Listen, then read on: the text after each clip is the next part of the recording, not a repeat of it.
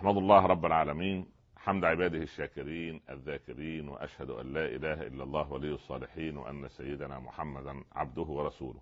اللهم صل وسلم وبارك عليك يا سيدي يا رسول الله صلاة وسلاما دائمين متلازمين إلى يوم الدين. ثم أما بعد أحبتي في الله أحييكم جميعا أينما كنتم في أرجاء المعمورة بتحية الإسلام. السلام عليكم ورحمة الله تعالى وبركاته. وبعد هذه حلقة جديدة من حلقات برنامجنا الأسبوعي القرآن والإنسان. في قضية العلم والتعلم لا بد للإنسان أن ينظر في كتاب الله عز وجل الذي نزل بأول ما نزل على قلب حبيب الله صلى الله عليه وسلم اقرأ باسم ربك الذي خلق.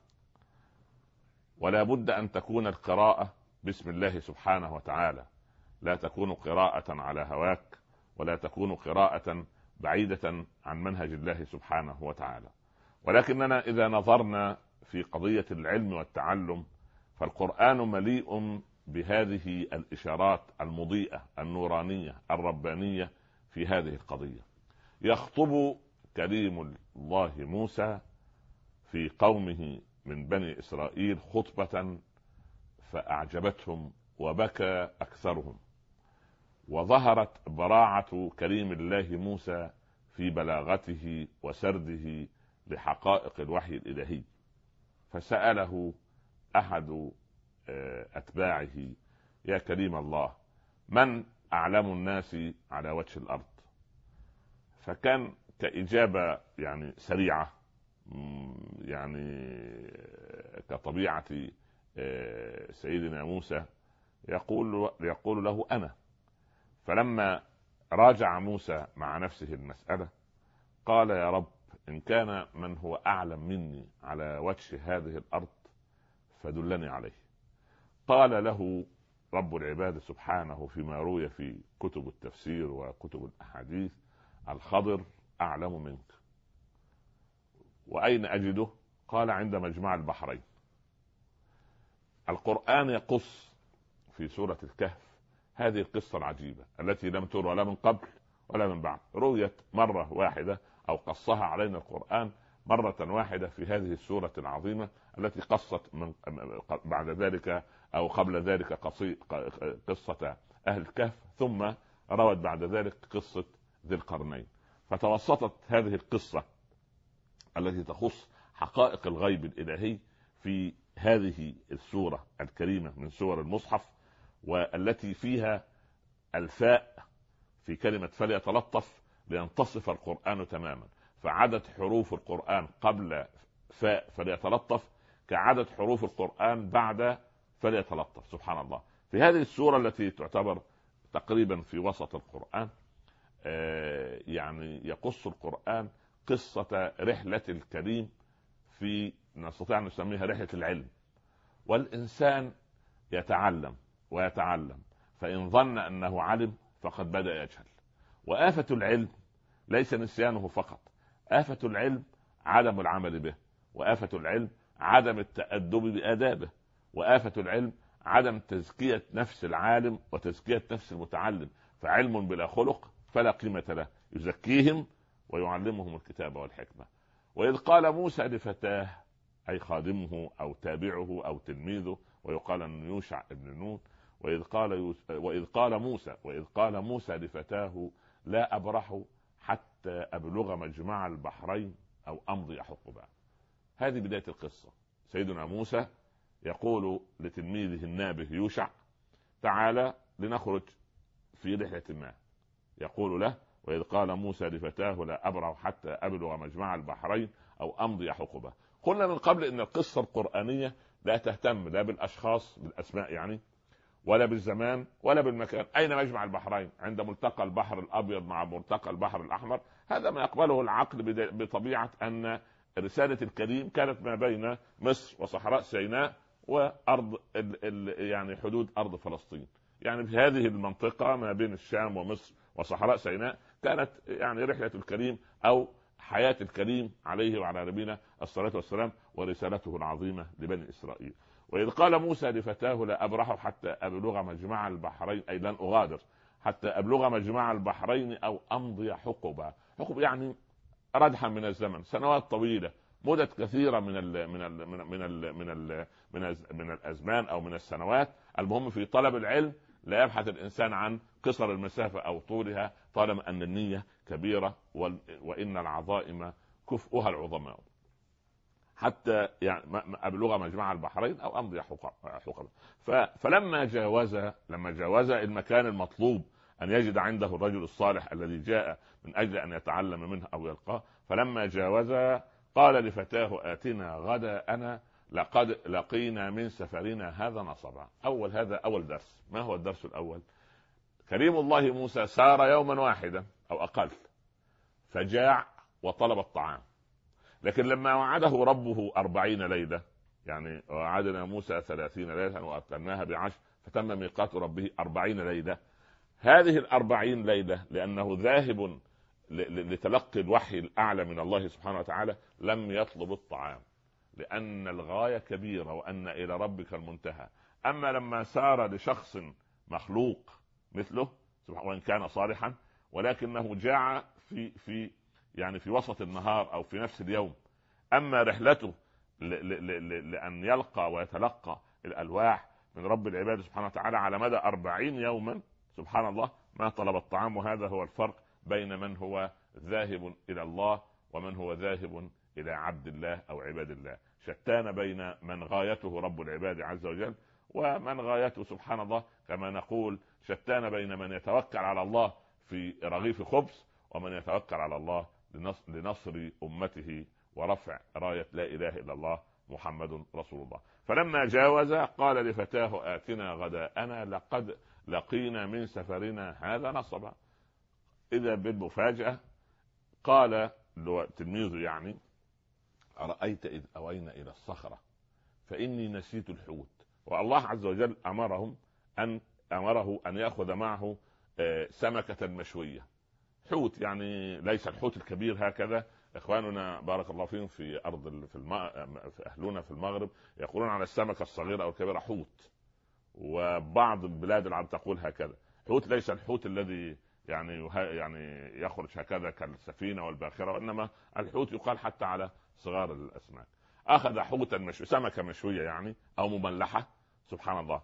ف وأعلمه رب العباد أن الوقت الذي تدب الحياة في هذه السمكة المشوية أو المملحة مرة أخرى وتتحرك أو تنزل إلى البحر فهنا سوف يجد هذا الرجل. هذا معلم من المعالم لأن المسألة غيبية من البداية إلى النهاية. الذي يعني أزهق روح هذه السمكة هو الذي يعيدها إليها. المهم قال أرأيت إذ أوينا إلى الصخرة فإني نسيت الحوت وما أنسانيه إلا الشيطان أن أذكره. سبحان الله. الأول سبحان الله العظيم الله سبحانه وتعالى لما تحدث عن ال ال السمكة لما قال اتخذ سبيله في البحر سربا. لما جاء الكلام على لسان تلميذ موسى قال واتخذ سبيله في البحر عجبا. ما الفرق؟ لماذا سربا ولماذا عجبا؟ والمسألة كلها بين هذا وذاك هي حركة السمك أو حركة الحوت. أولا المتحدث الأول هو رب العباد سبحانه وتعالى فليس هناك عجب عند الله لأنه هو الخالق. اتخذ سبيله في البحر سرب أي تسربت كما يتسرب الماء تسربت السمكة إلى الماء أو إلى البحر أو إلى من الشاطئ إلى الماء وهذا كلمة سرب لأن الله ليس عنده عجيب لأنه الخالق عز وجل. لكن لما يتكلم البشر فهذه أمور عجيبة أن تدب في السمكة المشوية الحياة وتعود إليه الحياة مرة أخرى لم تحدث من قبل وعادت إلى الماء الذي جاءت منه سبحان الله العظيم رغم أنها كانت يعني مشوية وسبحان الله ليس فيها حياة فقال على لسان يوشع واتخذ سبيله في البحر عجبا. الكلمتين بعد آيتين يعني سبحان الله الآيات متتالية. سرب لأنه ليس عند الله أمر عجيب أو أمر غريب لأنه الخالق عز وجل. سبحان الله عما يشركون. أما الآخر البشر لما يتكلم فهو أمر عجيب أن تعود الحياة إلى سبحان الله إلى السمكة. فيقول هذا التلميذ الناصح لسيدنا موسى فتاة هذا يوشع يقول اتخذ اتخذ سبيله في البحر عجبا. قال ذلك ما كنا نبغي. هذا ما كنا نريده. نحن كنا نريد هذه العلامة. لكن الشيطان ما الذي يجعله يأتي لإنسان نابه يتبع كريم الله موسى الإنسان قد يشغل مثلا في رحلة العلم بأهله أو بان يعود إلى وطنه لأنه تغرب عن الرجل عن مصر وعن أرضه وعن قومه في في صحبته مع كريم الله موسى. فربما وساوس الشيطان يعني يعني يعني تشغله حتى نسي أن يذكر كريم الله موسى أن السمكة قد أحيت مرة أخرى وعادت إلى البحر وهذه من الأمور العجيبة. قال ذلك ما كنا نبغي فارتد على آثارهما قصصا. يعني تتبعوا أثر الأقدام مرة أخرى على الرمال أو على الأرض حتى وصلوا إلى الرجل الصالح. طبعا الروايات في كتب التفسير تضرب يعني تخبط خبط عشواء في روايات كثيرة وأنا لا أريد أن أقص القصة كقصة ولكن أنا أريد أن أخذ منها كيف يكون أدب المتعلم مع العالم أو أدب المريد مع العالم. في زمن للأسف الشديد ساءت علاقة الأستاذ بتلميذه وساءت علاقة التلاميذ بأساتذتهم سواء في المساجد في المدارس في معاهد العلم في البيوت سبحان الله العظيم. كان الشافعي رضي الله عنه يجلس في مجلس مالك يقول كنت أستحي أن أشرب الماء في مجلس مالك حياء منه وكنت أريد أن إذا خلفت الصفحة قلب الورقة يعني كنت إذا قلبت الورقة سبحان الله العظيم يعني أقلبها يعني صفحا رقيقا كي لا أوذي سمع مالك رضي الله عنه. هذا من أدب العلم سبحان الله. فأين نحن من هؤلاء؟ لابد أن تعود مرة أخرى قضية احترام التلميذ لأستاذه وتعود أيضا رحمة المعلم لمريديه. يكون علاقة أبوة علاقة احتواء. أما أن يضجر المعلم سريعا من تلاميذه فلا فائدة يشعر أنه في إحباط وأنه لا يقدر وأن هذا راتب قليل وبهذا المنطق لن يعلم الولد ابدا بالذات المعلم العصبي. وأنا لو كنت مدير مدرسة وأجد معلما عصبيا يعني أطلب من وزارة التربية والتعليم أن تحيل إلى وظيفة إدارية. لأن معلم عصبي مت... يعني كيف يعلم الأولاد؟ يتعصب على الصغير والكبير ولا يصبر على قليل الفهم ولا يميز بين الأولاد. فدي مشكلة كبيرة لا بد من أن نتعلم يعني أخلاق العالم وأخلاق المتعلم وهذه سوف نفرد لها حلقة مستقلة إن شاء الله تعليقا على ما سوف نراه في قضية الكريم. فلما ارتد على اثار ما قصص قال ربنا فوجد عبدا من عبادنا. الكلمة في اللغة العربية لما تنكر تذكر نكرة يعني تدل على التعظيم. وجد عبدا. يعني إيه؟ عبد يتصف بكل العبودية. يقول لك مثلا في اللهجة العامية مع لما الناس مع بعض لك ما شاء الله عليه ولد ما شاء يعني ولد يعني يذكر أنه إيه مش يعني أي كلام لا سبحان الله. يقول لك ما شاء الله لاعب إنما إيه لا يعني إذا نكر فقد عظم. وجد عبدا من عبادنا. آتيناه رحمة من عندنا وعلمناه من لدنا علما. وأي رحمة أكثر من أن يصير الإنسان عالما بأوامر الله عالما بنواهيه عالما بالحق حتى يطبقه. وينفذه وعالما بالباطل حتى يجتنبه. وجد عبدا من عبادنا آتيناه رحمة من عندنا وعلمناه من لدنا علم. تبدأ رحلة العلم. ما الذي تم؟ يتقدم الكريم وهو نبي. نبي الله ورسول الله وكريم الله. هذه سبحان الله صفات عظيمة جدا في كريم الله موسى. لكن في هذه اللحظة هو آت ب ب يعني بإطار التلمذة. جاي بإطار أنه مريد لعالم يريد أن يرى علمه. لم يقل له كريم الله موسى أنا موسى نبي بني إسرائيل وشيخ بني أنبياء بني إسرائيل وأنا رسول الله وأنا كريم الله. هل عندك من علم غريب لا أعرفه حتى أتع... أبدا. قال هل أت... بأدب المريد هكذا هل أتبعك على أن تعلمني مما علمت رشدا؟ هذا طلب. كان يقدم طلب إلى هذا العالم أن يصير تلميذا في مدرسته. هل أت... هل هذه يجاب عنها بنعم أو بلا؟ قال هل أتبعك على أن تعلمني مما علمت رشدا؟ قال الخضر أو الرجل الصالح يعني إنك لن تستطيع معي صبرا. لن تستطيع صبرا. وكيف تصبر على ما لم تحط به خبرا؟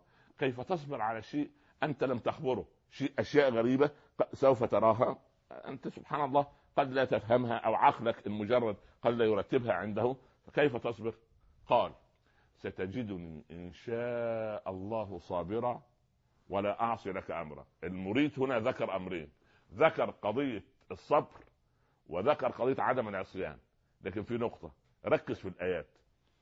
قرن الصبر بمشيئة الله. قال ستجدني إن شاء الله صابرا ثم أطلق قضية عدم العصيان. ولا أعصي لك أمرا. لم يقل بإذن الله. ولذلك سيدنا موسى صبر ولكنه عصى. يعني صبر على الرجل ولكنه عصى أمره بعد بعد إيه؟ بعد ما رأى منه الآيات العجيبة التي لم يتقبلها عقل الكريم عليه وعلى نبينا الصلاة والسلام. يعني قال ستجدني إن شاء الله صابرا. فصبر. ولا أعصي لك أمرا. لم يقل إن شاء الله. ولكن جعل قضية عدم العصيان موكوله إلى نفسه فعصى وتمرد على الرجل ولم يستطع. المهم فإذا بالرجل أو العالم يطبق على المريد شرطا صعبا. قال فإن اتبعتني فلا تسألني عن شيء حتى أحدث لك منه ذكرى. أكيد سيدنا موسى وافق بدليل أنه اصطحبوا في الرحلة.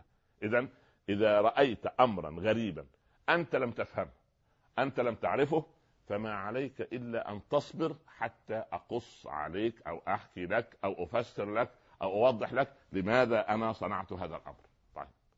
المهم تبدأ الرحلة. حدث ثلاث مواقف عجيبة. ثلاثة من المواقف غريبة وعجيبة لم يعني يترجمها عقل الكريم في ظهر الأمر. واذا فوق كل ذي علم عليم. ليس معنى هذا أن هذا الرجل أعلم من موسى؟ لا. وإنما هو عالم بهذه المسائل. لكن كريم الله عالم بمسائل أخرى. وقد أنا قد أعرف شيئا وتغيب عني أشياء. سبحان الله. فالإنسان المسلم وهو يقرأ في سورة الكهف ويقرأ عن هذه القصة العجيبة يسير مع سيدنا موسى بهذا الأدب الجم. المهم أول شيء ركبوا السفينة. هذا أول سبحان الله يعني درس لم يستطع الكريم أن يعني يصبر عليه أو عصى أمره. ماذا حدث لما ركبوا السفينة أركبوهم مجانا. رفضوا أن إيه؟ أن يعني يأخذوا منهم أجرا. وإذا بالرجل الصالح يأتي بفأس أو بازميل أو بحديد أو يعني أي شيء موجود وخلع لوحا كبيرا في قعر السفينة. سيدنا موسى هنا لم يستطع ابدا أن يصبر أو يحتمل أو لا يعصي. فماذا كان رده؟ وماذا كان رد الرجل الصالح عليه؟ هذه علاقة التلميذ بأستاذه سوف نراها ولكن بعد الفاصل إن شاء الله. كونوا معي لنكمل بين أدب العلم والتعلم وبين كريم الله موسى وهذا الرجل العجيب في كتاب الله الذي ما ذكر اسمه ولكن ذكرت قصته لتكون عبرة لنا في العلم والتعلم. كونوا كونوا معي بعد الفصل إن شاء الله. أهلا بكم ونكمل حوارنا بإذن الله رب العالمين. مرحبا بكم أحبتي في الله مرة أخرى ونحن نتحدث عن أدب العلم والتعلم من خلال قصة الكريم عليه وعلى نبينا الصلاة والسلام في سورة الكهف والقرآن يتحدث عن هذا الرجل العجيب الذي يأتي بالأعاجيب وكريم الله عليه وعلى نبينا الصلاة والسلام يبدأ في الإعتراض ركبوا السفينة طبعا سوف يسأل السائل أين فتى موسى الذي كان معه؟ وإذ قال موسى لفتاه لا أبرح حتى أبلغ مجمع البحرين أو أمضي حكم. أين ذهب؟ آه، أولا هو تابع. فكلما يعني تحدث القرآن عن كريم الله موسى إذا هو يتبعه. أو أنه أوصله إلى هذا المكان ثم عاد واصطحب الرجل الصالح آه، اصطحب سيدنا موسى عليه وعلى نبينا الصلاه والسلام منفردا. وكان آه، هذا الفتى يوشع غير موجود. هذا أمر لا يهم لأن القرآن يركز على المحاور الأساسية في القصة. اولا بعد ما ركبوا في السفينة قام الرجل الصالح بخرق السفينة بأن خلع لوح من أسفلها. فإذا بكريم الله موسى لم يحتمل. قال أخرقتها لتغرق أهلها؟ أمر في منتهى الغرابه كيف تصنع هذا؟ الناس لم يطلبوا منا اجرا ويعني أخذونا على الرحب والسعه وأوصلونا إلى الشاطئ الآخر. والعجيب أن سيدنا موسى يقول أخرقتها لتغرق أهلها لم يقل لتغرقنا. إنما قال لتغرق أهلها. يبدو أن هذه العملية تمت بعد أن وصلوا بسلامة الله إلى الشاطئ ويتأخر الرجل الصالح ليقتلع يعني من خلف ظهر أصحاب السفينة هذا اللوح. لأنهم لو رأوه وهو يخرب سفينتهم ما تركوه كان أخذوا على على على يديه. يعني وكان وعاتبوه أو عنفوه. قالوا له كيف نأخذك أنت وصاحبك؟ يعني بدون أجر. ورغم ذلك آه، آه، تقوم بهذا العمل سبحان الله. فربما هو بعد أن نزلوا بعد أن هبطوا عاد أو تأخر الرجل الصالح واقتلع هذا اللوح من السفينه اخرقتها لتغرق أهلها لأن لو كريم الله موسى لسه الرحلة ما زال فيها بقية قال لتغرقنا أو لتغرقنا وأهلها. قال لتغرق أهلها. هذا أمر في منتهى الغرابة. يعني سبحان الله سوف نرى ما الحكمة. قال ألم أقل إنك لن تستطيع معي صبرا. بدأ العالم يعني يبرز معايير العلم أو متطلبات التعليم أو يعني صلاحيات الأستاذ. يعني يسميها مشات يعني هذه صلاحيات تعطى للمعلم أنه يوبخ عندما يجب التوبيخ يعنف عندما يجب التعنيف يؤدب عندما يجب التأديب يرقق عندما يجب الترقيق. هكذا العالم الناصح أو الأستاذ الناصح. هكذا يقول ألم أقل لا ألم أقل إنك لن تستطيع معي صبرا أنا قلت لك من الأول أن سوف ترى أمورا أنت لن يعني تقبل يقبل عليها عقلك ولن يتفهمها. فيعني ألم أقل إنك لن تستطيع معي صبرا قال لا تؤاخذني بما نسيت ولا ترهقني من أمري عسرا يعني معذرة عن هذا النسيان غير المتعمد لأن النسيان الإنسان لا يحاسب على نسيانه إنما يحاسب على غفلته. قال ربنا ولا تكن من الغافلين ولم يقل ولم تكن ولا تكن من الناسين. لا النسيان هذا أمر يعني دو يعني يعني خارج خارج يعني إمكانيات الإنسان. لا تؤاخذني بما نسيت. وكأن سيدنا موسى لهول ما رأى لقوة الأمر الذي رآه سبحان الله العظيم إذا به يواجه آه، بالرد يعني يقول أخرقتها لتغرق أهلها لقد جئت شيئا إمرة. قال ألم أقل إنك لن تستطيع معي صبر قال لا تؤاخذني بما نسيت ولا ترهقني من أمري عسرا يعني لا تشدد علي في مسألة الايه التعليم. هبطوا من السفينة وجدوا بعض من الصبيان يلعبون. ما الذي حدث؟ نادى الرجل الصالح على الصبي من الصبيان فاقتلع رأسه مسك رأسه سبحان الله بقدرة الله وخلعها هكذا كمان يعني كأنها رأس صناعي سبحان الله العظيم. فخلعها سبحان الله. يعني مسألة خرق السفينة وسكت سيدنا موسى. طب وقتل الغلام؟ يعني غلام لا قتل من أحد وله ليس لنا قصاص عنده ولم يرتكب جرما وهذا عمل عجيب. قال أقتلت نفسا زكية بغير نفس. نفس زكية يعني إيه؟ يعني ما عليها ذنب قط نفس طاهرة. كلها لأن الغلام دون سن البلوغ آه، صفحته بيضاء لا ذنب عليه. يعني يقال إن سيدنا ابن عمر كان لما يختم القرآن كل ليلة الجمعه يجمع اليتامى والأطفال في الحي اللي ساكن فيه ويدعو وهم يؤمنون ويقول ما جرى عليهم القلم بعد. تأمينهم مستجاب إن شاء الله لأن إيه؟ لم يجري عليهم القلم بعد ما زالوا في براءة الطفولة ويا ليتنا نرى براءة الطفولة مرة أخرى. المهم فسيدنا آه سيدنا موسى لم يحتمل أن يقتل سبحان الله طفل أو غلام دون جريرة. أقتلت نفسا زكية أو زاكية بغير نفس؟ لقد جئت شيئا نكر. هذا أمر منكر لا لا يقبله يعني شيء تعافوا النفس ولا ولا يقبله العقل. أول مرة لما اعترض سيدنا موسى على خرق السفينة قال له ألم أقل إنك لن تستطيع معي صبرا؟ فلما اعترض الاعتراض الثاني اشتدت لهجة العالم. قال له ألم أقل لك؟ الأول ليس فيها لك إنما هذه ألم أقل لك؟ يبقى يعني درجة التعنيف بدأت إيه؟ تزداد. ألم أقل لك؟ إنك لن تستطيع معي صبرا؟ اشترط سيدنا موسى شرطا على نفسه وسوف اتي للتعليق على كل هذا إن لم يكن في هذه الحلقة إن شاء الله إن كنا من أهل الدنيا في الحلقة القادمة بإذن الله. قال إن سألت سيدنا موسى إن سألتك عن شيء بعدها فلا تصاحبني.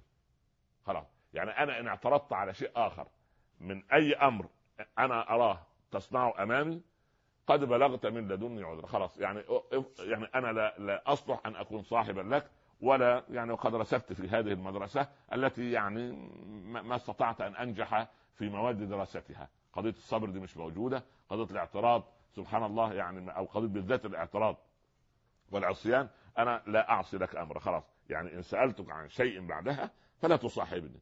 قد بلغت من لدني عذر. أنت يا رجل يعني يعني لك كل العذر في أن إيه؟ ألا تقبلني تلميذا عندك بعد ذلك. المهم دخلوا قرية القرية والعياذ بالله بخيلة. كل أهلها بخلاء. قال إحنا ناس ضيوف ونريد طعام. آه والله ليس عندنا طعام. فجلسوا يستريحوا من عناء الرحلة فوجد فيها جدارا يريد أن ينقض. والقرآن يعطي حيوية للجدار. القرآن عجيب. لما الإنسان يتعايش مع آيات الله يشعر أن كل كلمة تنبض بالحياة. فيها نبض. الجدار يريد أن ينقض وكأن للجدار إرادة. لأنه هو من إرادة الله سبحانه وتعالى. فكأن الجدار يعني مش مش على وشك أن ينقض لا الجدار نفسه أصبح فاعلا لما وضعه الله سبحانه وتعالى فيه. وجد فيها جدارا يريد أن ينقض فأقامه. هنا سيدنا موسى وصل به الأمر إلى الذروة. والله يعني لم يستطع أن يصبر ولم يستطع الا يعترض. قال قال لو شئت لاتخذت عليه اجرا. يعني كم من الواجب؟ بدل ما سبحان الله العظيم يعني نحن قوم جياع أنا وأنت. وبعدين رفض رفضوا أن يضيفونا. والبخل واضح في هذه القرية. وبعدين تجد عندهم الجدار يريد أن تقيمه ولا تأخذ عليه أجر. طب قلنا أخذنا أجر نشتري به طعاما لنأكله. هنا موسى كان يعني أوثق نفسه بوثاق وشدد على نفسه شرطا صعبا. إن سألتك عن شيء بعدها فلا تصاحبني. هنا قال له الرجل الصالح هذا فراق بيني وبينك. هذا فراق بيني وبينك. سبحان الله. سأنبئك بتأويل ما لم تستطع عليه صبرا. بدأ يقص له تفاصيل القصة. السفينة هذه كانت لمساكين يعملون في البحر يقال أنها كانت لعشرة من الإخوة كل واحد فيهم عنده عاهة معينة عنده نقص معين في يعني واحد كفيف واحد احول واحد لا يسمع واحد يعني سبحان الله. أو هم مساكين أصلا. مساكين يعني فقراء لا يملكون إلا هذه السفينة. فالسفينه جديدة. كان هناك يبدو رجل واقف على برزخ من البرازخ ملك من الملوك. الحرس أول ما يشوفوا أو الحاشية عندما ترى سفينة جديدة يغتصبها. فقال العلماء أن الرجل الصالح ارتكب ضررا صغيرا لحماية السفينة وأصحابها من الضرر الكبير. يعني يخلع سبحان الله لوح يبقى هي معطوبة في شيء صغير بدل من أن إيه؟ أن يستولي عليها الإيه؟ يستولي عليها الرجل الظالم هذا. وكان وراءهم ملك يأخذ كل سفينة غصبا فوجيه في قضية الأدب وقال فأردت أن أعيبها. وخلى العيب إيه؟ مضافا إليه كرجل. ما قال ما أراد ربك أن يعيبها. لا هذا أدب الحوار. وأدب الكلام وأدب المتعلم والعالم مع رب العباد عز وجل. لم يقل فأراد ربك أن يعيبها لأن العيب لا يأتي من الله العيب يأتي من البشر. قال فأردت أن اعيبها طيب فهم كريم الله موسى قضية الإيه؟ قضية السفينة. طب الغلام الغلام هذا يعني والعياذ بالله كان أبواه مؤمنين. وهذا الولد كافر. ويعلم الله في سابق علم أنه سوف يظل كافرا. وده يسبب لأبوه وأمه مشاكل كبيرة في الطغيان. ومشاكل كبيرة سبحان الله في في في في في في, في, في يعني يعني يؤثر على إيمانهم ويؤثر على دينهم ويؤثر على عقيدتهم فما الذي حدث؟ فيعني فأراد ربك إيه أن يبدلهما خيرا منه زكاة وأقرب رحمة. المهم طب هذه فهمنا قضية الغلام. طب والجدار قال أما الجدار فكان لغلامين يتيمين في المدينة وكان تحته كنز لهما وكان أبوهما صالحا. يقال في بعض كتب التفسير ابن عباس يقول كان أبوهم السابع. الجد السابع كان صالح. فلما الجد يكون صالح الصلاح علم الجينات يمشي في الصلاح سبحان الله. يعني يعني لما تجد واحد صالح كده تجد عامل الوراثة يشتغل. يا والله ده عمه فلان لخاله فلان لجده لأمه لجده لأبيه ده صالح صالح سبحان الله. وكان أبوهما صالحا. ولذلك نحن إذا أصلحنا ما بيننا وبين ربنا وأطعمنا أولادنا حلال الأولاد يطلعوا بنا بررة زي ما عمل أبائنا معنا وأجدادنا. ماذا صنعوا؟ كانت أموالهم حلال رغم قلتها كان عندهم رضا ما بينهم وبين الله. ثم بعد ذلك ربما ما علمونا على قضية تربية النفس وعلم النفس الحديث وآراء العلماء الطب النفسي وعلماء ابدا. انما علمونا بالفطرة. فخرج الجيل السابق بارا بوالديه. لماذا؟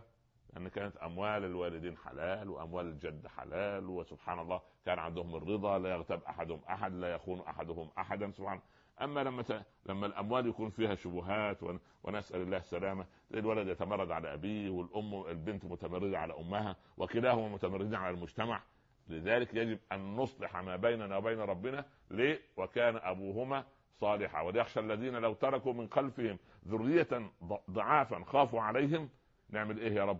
قال فليتقوا الله وليقولوا قولا سديدا. أقول الكلام اتقي الله الأول وأقول الكلام الصح ربنا سبحانه وتعالى يبقي لي في الذرية. طالما أنت تتقي الله ثق أن ذريتك إن شاء الله رب العالمين. لن تكون إلا خيرا بكرم الله عز وجل. فكأن سبحان الله يعني موسى بعد ما بعد ما استنفذ الأسباب والرجل أوقف المسألة وبدأ يشرح لم يعد لموسى عذر ولا ولم يعد للصحبة مجال خلاص انتهت. فبدأ يشرح له الإيه؟ القضية. ثم يأتي هذا الرجل الصالح في نهاية المطاف ويقول الكلمة الكبيرة التي تعلمنا يقول وما فعلته عن أمري؟ اوعى تظن يا يا موسى سبحان الله العظيم أن المسألة دي من علم ولا ابدا وما فعلته عن أمري؟ ابدا إنما هو من إيه؟ من أمر الله ومن تعليم الله. لذلك يقال أن في في كتب التفسير أن في عصفور وقف على السفينة وهم في البحر. فنقر العصفور نقرتين. فقال له الرجل الصالح لموسى يا موسى ابن عمران علمي وعلمك وعلم الخلائق كلهم ما نقص من علم الله إلا كما نقص هذا العصفور من هذا البحر. شو العصفور هذا؟ لما نقر نقرتين. أي سبحان الله العظيم لا إله إلا الله. ماذا نقص؟ ماذا نقص؟ ولذلك يا عبد الله إن إن يعني إن إن إن غرتك أو إن غرك غناك فارزق عباد الله يوما واحدا. تقول أنا غني؟ طب أنا عايز 6 مليار بس أكلهم خبز خبزا يوما واحدا ابدا ثاني يوم تفلس. لكن من الذي يرزقهم الله؟ ويرزق من؟ المؤمن والكافر والمسلم وغير المسلم والمنحرف والطائع والعاصي. سبحان الله.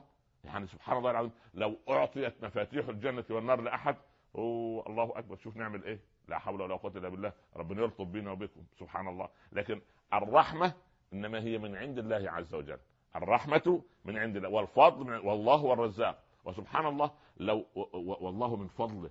سبحان الله لو بسط الله رزق لعباده لبغوا في الأرض ولكن ينزل بقدر على من يشاء. لأن في عباد لما إن الإنسان لا يطغى. ان رآه استغنى؟ واحد بعلمه واحد بجاهه واحد بمنظره واحد بكرسيه واحد بوجهته الاجتماعية واحد بماله واحد بإجازاته وشهاداته واحد بإطراء الناس كارثة كبيرة إلا لمن يتقي الله رب العالمين. لكن هذا الرجل الصالح يقول إيه؟ يقول وما فعلته عن أمري. خلي بالك يا موسى هذا الأمر إنما هو من أمر الله سبحانه وتعالى. ذلك تأويل ما لم تستطع عليه صبرا. طب ليه قال له تستطيع الأول وهنا قال له تستطع؟ لأن تستطيع لسه فيها مسألة صبر وهنقعد مع بعض ونروح رحلة ونركب السفينة ونقتل الولد ونعدل الجدار عايزه تستطيع. لكن هنا كان الخضر يخلص الموضوع لأن هذا الطالب لم لم يصبر. على ما عند العالم. قالوا خلاص امتص عليه صبر. المسألة إيه؟ لا وقت عندي حتى للإطالة ولا وقت عندي للكلمات الممدودة وإنما إيه؟ المسألة أخطر من هذا لأن عمر الإنسان غالي ووقت الإنسان غالي والثواني في حياة الإنسان هو أكبر رصيد يعني يحتويه يعني الإنسان كتملك. لكن الذين يضيعون حياتهم هباء منثورا وساعاتهم هباء منثورا في غير عمل مفيد ماذا يقولون لله عز وجل؟ المهم كما تقول كتب التفسير الرجل الصالح خرج من المجهول وغاب في المجهول لنؤمن بالغيب أن الإنسان مهما بلغ من علم ففوق كل ذي علم عليم. والإنسان لا يقول نفس لنفسه يعني أنه إيه؟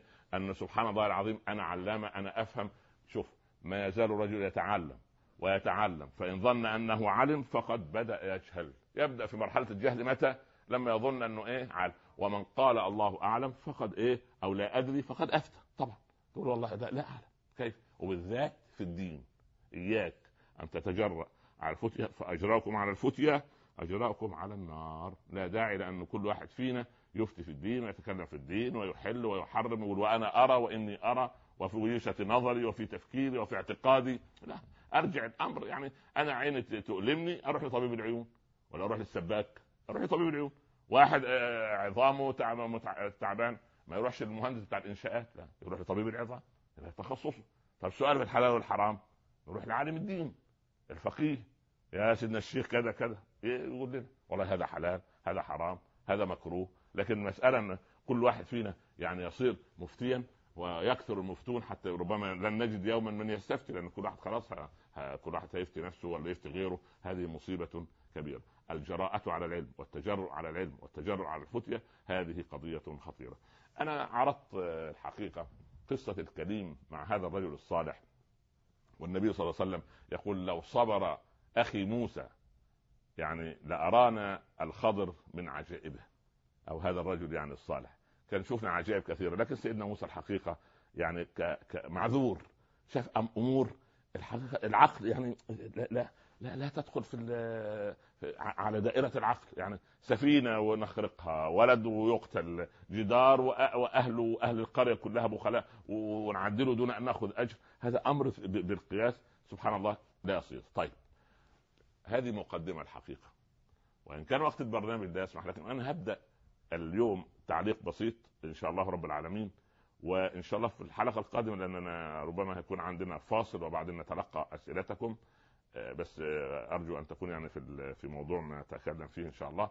آه، بإذن الله رب العالمين سوف أتكلم بعد ذلك عن ما هي الآداب التي يجب أن تكون في المتعلم في التلميذ سواء في مراحل التعليم أو في المساجد أو في المعاهد العلم أو في أي مكان في دورات تدريبية. وما هي ما هي طبيعة الخلق التي يجب أن يتعلمها أو يعلمها العالم أثناء تعليمه؟ يعني كيف يكون متواضع كيف يكون عنده السكينة عنده الرقة ما, ما, ما عندوش التعصب على الأولاد ما عندوش هوى في المسألة وإنما يبتغي بما يعلم ما شاء الله. هذه مسألة مهمة جدا لأن قد تنقص كثير من المجتمعات الإسلامية. آه يعني حقيقة قصة عظيمة من قصص القرآن وهو أحسن القصص ولكن للتعليق عليها وأدب المعلم والمتعلم فده موضوع حديث حديثنا إن شاء الله بإذن الله رب العالمين في الحلقة القادمة إن شاء الله. لكن بعد الفاصل آه يعني آه يشرفني أن أتلقى مكالماتكم. أرجو أن تكون في موضوع الحلقة وإلا سوف أتركه عند مجمع البحرين. آه، إن شاء الله بعد الفاصل نلقاكم إن شاء الله. وكونوا معي. أهلا بكم ومرحبا. مرحبا بكم أحبتي في الله مرة أخرى. ونحن كنا نتحدث قبل الفاصل عن أدب العالم أو ادب العلم والتعلم. وقلنا إننا سوف نفرد حلقة خاصة للآداب التي يجب أن يراعيها العالم والآداب التي يجب أن تكون في المتعلم المريد الذي يجلس بين يدي شيخه أو أستاذه ليتعلم. وكم كان أجدادنا القريبين حتى سبحان الله آه، كيف كانوا يحترمون علماءهم وأساتذتهم ويجلونهم. ونحن نرى أبناءنا حقيقة الأمر أو كثير منهم للأسف الشديد قد لا يجل العلماء الإجلال. المطلوب. أول اتصال إن شاء الله. تفضل. نعم. أيوه. ها طيب لسه الاتصال لم يصل بعد. السلام طيب. عليكم شيخنا. إيه. النائل من أمريكا. نعم. آه بس أحكي لك شيخ الله يبارك فيك. عندي مداخلتين. إنه آسيا بنت مزاحم زوجة فرعون كانت على دين أيوة. أي نبي قبل سيدنا موسى والآخر إنه في سورة الدخان قوله سبحانه وتعالى وكذلك أورثناها قوما آخرين فما بكت عليهم السماء وما كانوا والأرض وما كانوا نعم. منذرين هل. يمكن للسماء يعني أن تبكي على إنسان صالح؟ بارك الله فيك. آه نعم شكرا وصدق الله العظيم. وبعدين الله يبارك فيك. وأنا عندي ابن اسمه عمر. أتمنى أن يكون مثلك إن شاء الله. يكون أفضل إن شاء الله. بارك الله فيك. الله يبارك فيك يا رب. شكر الله لك. أما آه قب يعني قبر سيدنا موسى يقال أنه قريب من بيت المقدس برمية حجر كما قال صلى الله عليه وسلم لو كنت عنده ساعة إذن لأريتكم قبره. لأنه تمنى سيدنا موسى أن يموت في هذا المكان ولو برمية حجر لما رفض بنو إسرائيل دخول الأرض المقدسة. أما هل السماء تبكي والأرض تبكي؟ إذا مات الصالح بكى عليه مكانان مهبط سجوده في الأرض ومصعد عمله في السماء. أما الآخر والعياذ بالله الكافر وعدم وعديم الصلاة لا تبكي عليه لا سماء ولا أرض. لأن إحنا لينا مكانين. مكان نسجد فيه تشهد لنا يوم القيامة. ومكان يصعد فيه العمل إلى إلى السماوات العلى. سبحان الله. فإذا مات العبد الصالح بكت عليه الأرض التي كان يسجد عليها. سبحان الله. ومصعد عمله الذي إيه؟ يصل فيه إلى الملأ الأعلى. فلكن الآخر لا تبكي عليه لا سماء ولا أرض. نسأل الله سبحانه أن يعني أن يتوب علينا ويميتنا على الإسلام. اتصال الذي يليه إن شاء الله؟ نعم. أيوه. ألو؟ أيوه نعم. السلام عليكم. وعليكم السلام. شلون صحتك دكتور؟ الله يرضى عنكم ويبارك والله إحنا الله يجازيك عنا كل خير. يبارك فيكم يا رب. بس حبيت دكتور يعني أتعلم من عندك يعني شغلة. زوجي دائما يقول لي إذا أنام غضبان عليك فالملائكة تلعنك الليل كله. أو وثاني شيء يقول لي لو يعني أكو حديث للرسول صلى الله عليه وسلم إنه إذا أمرت آه، أحد ليسجد. فالمرأة تسجد لزوجها. طيب. زين فضيلة الشيخ هو مو دائما يكون على حق يعني. وأروح مثلا مرات يعني واحد يريد يراضي أو فشي ويبقى زعلان. نعم. أنا شلون يعني؟ شو اتصرف طيب بارك الله فيك. وصل السؤال. هذه يا بنيتي ليست شكواك فقط. هذه شكوى ملايين من المسلمات. طيب يعني هو كلام طيب أن وصح أن إذا بات زوجها وعليه غضبان باتت الملائكة تلعن الملائكة تلعنها حتى تصح طيب يا ترى اللي ينام زوجته عليه غضبانة إيه يعني ك يعني تبات الملائكة تدعو له يعني ولا إيه؟ ما الظلم ظلمات يوم القيامة. ربنا يقول ولهن مثل الذي عليهن بالمعروف. وإحنا الدين بتاعنا مش دين ذكوري فقط ولا دين رجولي هو الدين ذكر وأنثى. من عمل صالحا من ذكر أو أنثى. فمسألة يعني أنا أريد أن تكون التعاملات ليست بالأوامر والنواهي حتى مع أبنائنا. وقالت الاعرابيه لب- لابنتها كوني له ارضا يكن لك سماء كوني له فرشا يكن لك غطاء. سبحان الله. كوني له أمة يكن لك عبدا وشيكا فأنا أرى يعني أن المسألة أن أنت ادعو له بالخير وهو إن شاء الله زوج في الخير إن شاء الله وهو يجب أن يرقق معاملته معك. بارك الله فيكما. اتصال الذي يليه إن شاء الله. نعم. أيوه. ألو السلام عليكم. وعليكم السلام ورحمة الله وبركاته. يعطيك العافية يا دكتور. يبارك فيك ويرضى عنك. الله يخليك. والله إنك بلغت وإحنا إن شاء الله حنشهد لك. الله يرضى عنك ويبارك فيك يا سيدي. شكر الله لك. الله يوفقك ويخليك. دكتور بس في لي سؤالين بخصوص موضوع الحلقة اليوم إن شاء الله. جميل تفضل. آه، أول سؤال بس بدي أسأل إنه أعوذ بالله من الشيطان الرجيم بسم الله الرحمن الرحيم. حتى إذا ركب في السفينة خرق قال أخرقتها لتغرق أهلها لقد جئت شيئا امرا أيوه امرا ماذا تعني هذه الكلمة هاي اولا ثانيا شيخ م. إنه الرجل الصالح عندما يعني قطع رأس الغلام. كيف عرف يعني إنه هذا الغلام حيكون غير صالح؟ يعني هذا الرجل الصالح معناته هو ملك من عند الله أو ما هو لحتى يعلم بالغيب. أيوه. وشغلة ثالثة دكتور بس خارج عن الموضوع بس كانت فرصة إني أحكيها على شاشات التلفزه إن شاء الله إذا سمحت لي. بس لا تطيل الله يرضى عليك نعم. إن شاء الله لا أطيل آه، هناك بعض القنوات اللي يعني ال- ال- الخلاعية حقيقة تعرض على شاشات التلفزة. ويوضع عليها أعلام جميع الدول العربية والأجنبية. ومن بين هذه الأعلام علم المملكة العربية السعودية وكتب عليها لا إله إلا الله محمد رسول الله.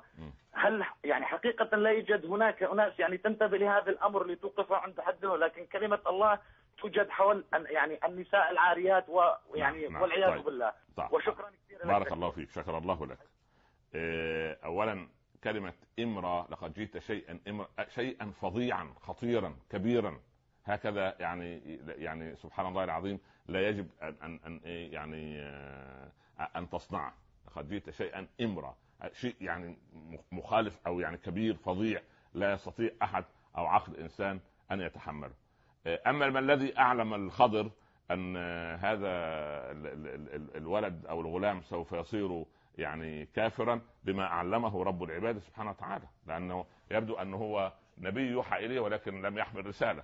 يبدو أن الخضر هذا يوحى إليه. وقال إن يعني وما فعلته عن أمري. اذا الله عز وجل إما عن طريق النفث أو ال- ال- النفخ في الروح آه، يعني ينفث في روعه أو يكلمه بهذا الشكل. فيعني آه، هذا والله أعلم إن شاء الله. ال- الاتصال الذي يليه. نعم. السلام عليكم أستاذ عمر. وعليكم السلام ورحمة الله وبركاته. جزاكم الله خيرا لنا ولأمة المسلمين جميعا إن شاء الله الله. يبارك فيك ويرضى عنكم. أستاذ عمر أستاذ الفاضل أنا بسأل حضرتك كنت الأسبوع اللي فات كنت بسأل جماعة أصدقائي إن إحنا بنلم مبلغ لمسجد في دولة فقيرة.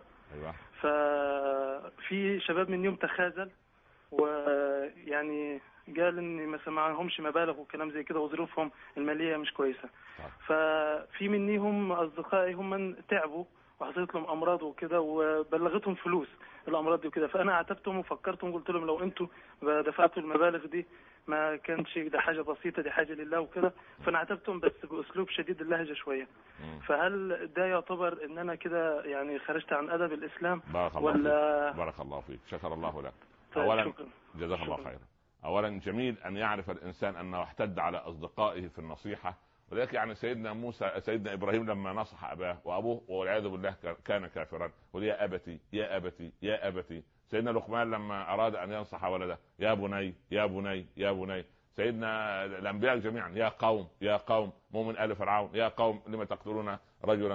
أن يقول ربي الله. فاذا التلطف في ال- ال- الحوار والتلطف في التعليم والتلطف في اداء الأوامر والنواهي حقيقة مطلوب الحقيقة ولا بد أن يعني أن أن أن تكون رقيقا مع إخوانك إن شاء الله رب العالمين. نعم. ألو أيوه نعم. السلام عليكم عمر عبد الكافي وعليكم السلام ورحمه الله وبركاته مرحبا. كيف حالك؟ الله يرضى عليك نعم الحال الحمد لله. أنا دائما أدعي لك معاي لا بليل ولا بنهار ولا بصيام ويوم عرفة أدعي لك بالاسم ال- الله يبارك لك ويرضى عنك يا رب جزاك الله عني. ابغاك تكتب اسمي عندك تدعي لي دائما معاك حاضر أدعي لك اسمك إيه بقى؟